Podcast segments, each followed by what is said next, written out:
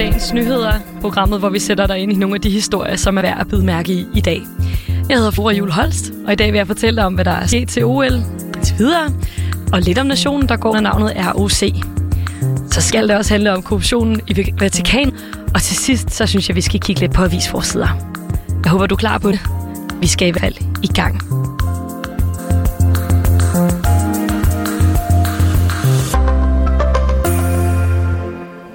Og som lovet, lad os starte med at kigge lidt på de olympiske lege. Det løber jo af stablen her for tiden. Det er fire dage siden, at den olympiske flamme blev tændt på Olympic Stadium i Tokyo. Og selvom lejene jo er langt fra over, så er der allerede blevet delt en del medaljer ud. I top 3 over flest medaljer, der finder man Japan på tredjepladsen, der har fået 13 medaljer i alt. Blandt andet vandt øh, den bare 13-årige Momiji Nishi guld i Japan i skateboarddisciplinen Women's Street. Og lige over Japan, der er der en anden plads, hvor man finder USA, der har vundet 14 medaljer videre. Øst, der ligger Kina, og de har formået at hive 18 medaljer hjem allerede.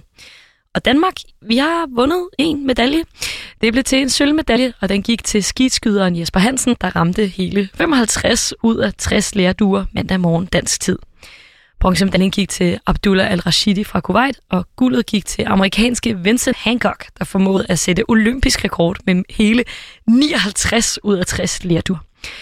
Men hvis vi lige vender tilbage til listen over de mest vindende nationer indtil videre, så, så finder man en nation med et lidt anderledes navn, hvis man kigger lige under top 3. For på fjerdepladsen, der ligger ROC med 12 medaljer. Og hvem er de? Det kan min kollega Jonas Emil Jacobsen fortælle lidt mere om her. Ved åbningsceremonien i Tokyo kunne man se en nation ved navn ROC gå på Olympic Stadium. Eller rettere sagt, det var en nation, men derimod den russiske olympiske komité. ROC, eller Russian Olympic Committee, som det står for, er nemlig de russiske atleters eneste mulighed for at komme med til OL, efter Rusland blev udelukket fra lejene i 2015. Men hvad var det, der skete i 2015? I slutningen af 2014 kom det frem, at flere russiske atletikatleter havde været del af et dopingprogram. Siden da har den internationale antidopingorganisation, World Anti-Doping Association, eller WADA, lavet flere undersøgelser af Rusland og russiske atleter. De afslører statsorganiserede dopingprogrammer fra 2011 helt frem til 2015. Her er blandt udskiftning af urinprøver ved OL i Sochi i Rusland i 2014.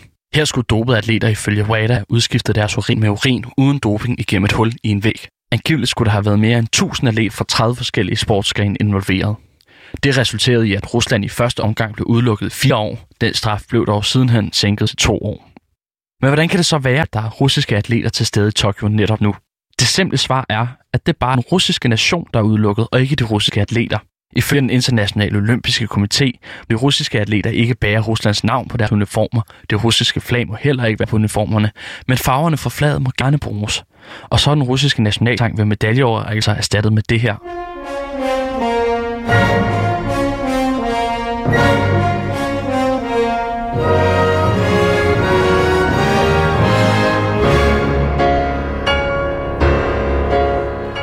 Tchaikovsky, en af verdenshistoriens mest kendte russiske komponister.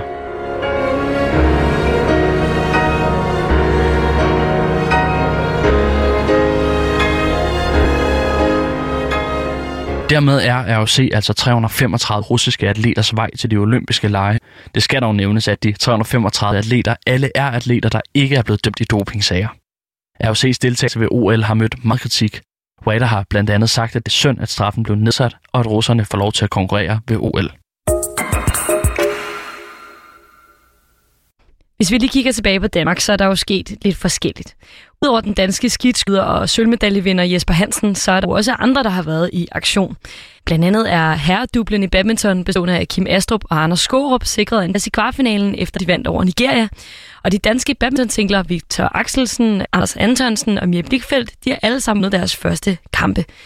Og så den færøske Sverige Nielsen i topform ved kvartfinalen i single for mænd, og dermed er han videre til semifinalen og er en af de danske medaljehåb. Et andet dansk medaljehåb er også kommet godt fra start. Det er de danske håndboldherrer og verdensmestre. De har nu vundet deres to første kampe. Den seneste over Ægypten, der ellers var en stor udfordring for holdet ved VM tidligere i år. Nu skal vi helt andet sted hen i verden. I dag er der nemlig første høring i en lidt sparet sag. Det handler om købet af en luksusejendom og verdens mindste land målt på areal og indbyggere, nemlig Vatikanstaten. Men for lige at sætte os ordentligt ind i den her sag, så kan du lige høre lidt fra en fyr, der hedder Andrea Gagliarducci. Han er Vatikan-analytiker og arbejder på mediet Catholic News Agency. Well, the corruption case is about uh, uh, an investment of the Secretary of State, the Vatican.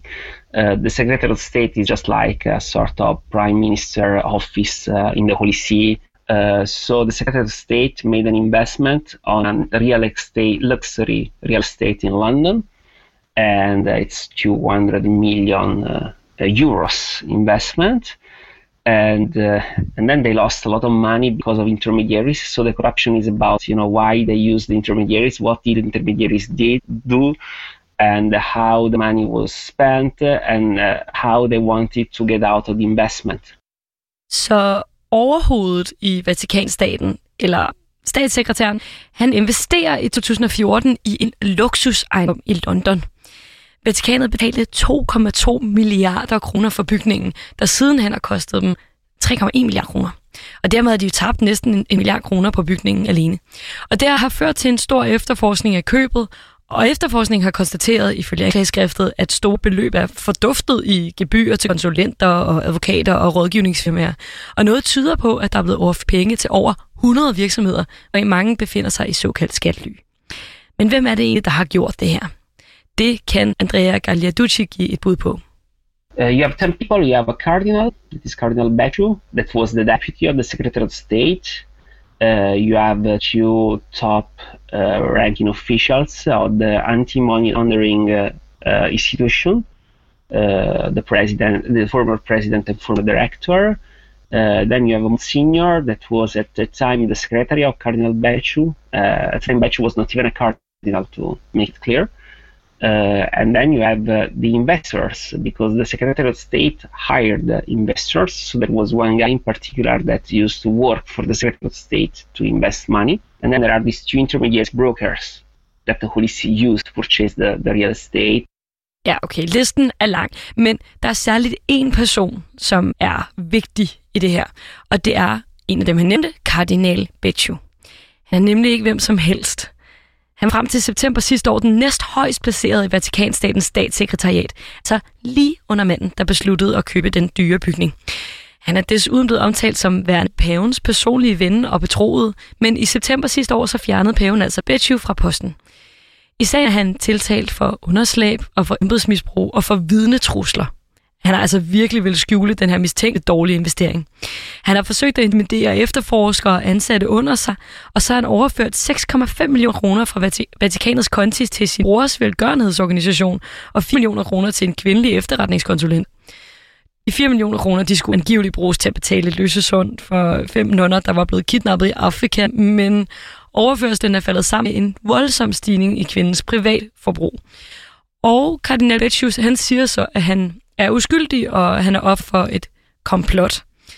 Øhm, men selvom den her sag den ikke er så stor egentlig, og, og næppe får sådan alvorlige konsekvenser for Vatikanet, ifølge Andrea Gagliarducci i hvert fald, så er den historisk, siger han.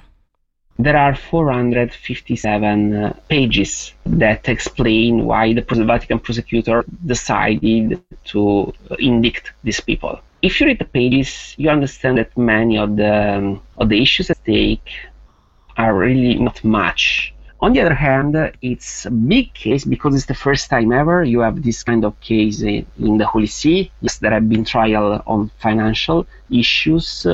the last one was against a former IOR president for embezzlement, embezzlement in them, but not that big, not so many people, not involving also a cardinal. Det er første gang, en kardinal er blevet anklaget på den her måde. For før i tiden har det kun været muligt for kardinaler at blive anklaget af et ganske særligt råd, fortæller Andrea Gagliarducci. Before cardinals could be judged only by a tribunal of cardinals, which means uh, the highest ranked tribunal we have in the Holy See. You know, just like you have the state court, the superior court, and so on, also the Holy See has. And uh, uh, the highest court is made composed of cardinals. So generally, cardinals are directly uh, indicted by the tribunal of cardinals, by the highest one. But for the first time, Pope Francis made a provision, made a law in, for which cardinals are subjected to the tribunal of the state. And so that's that's big because it's the first time you have a cardinal there.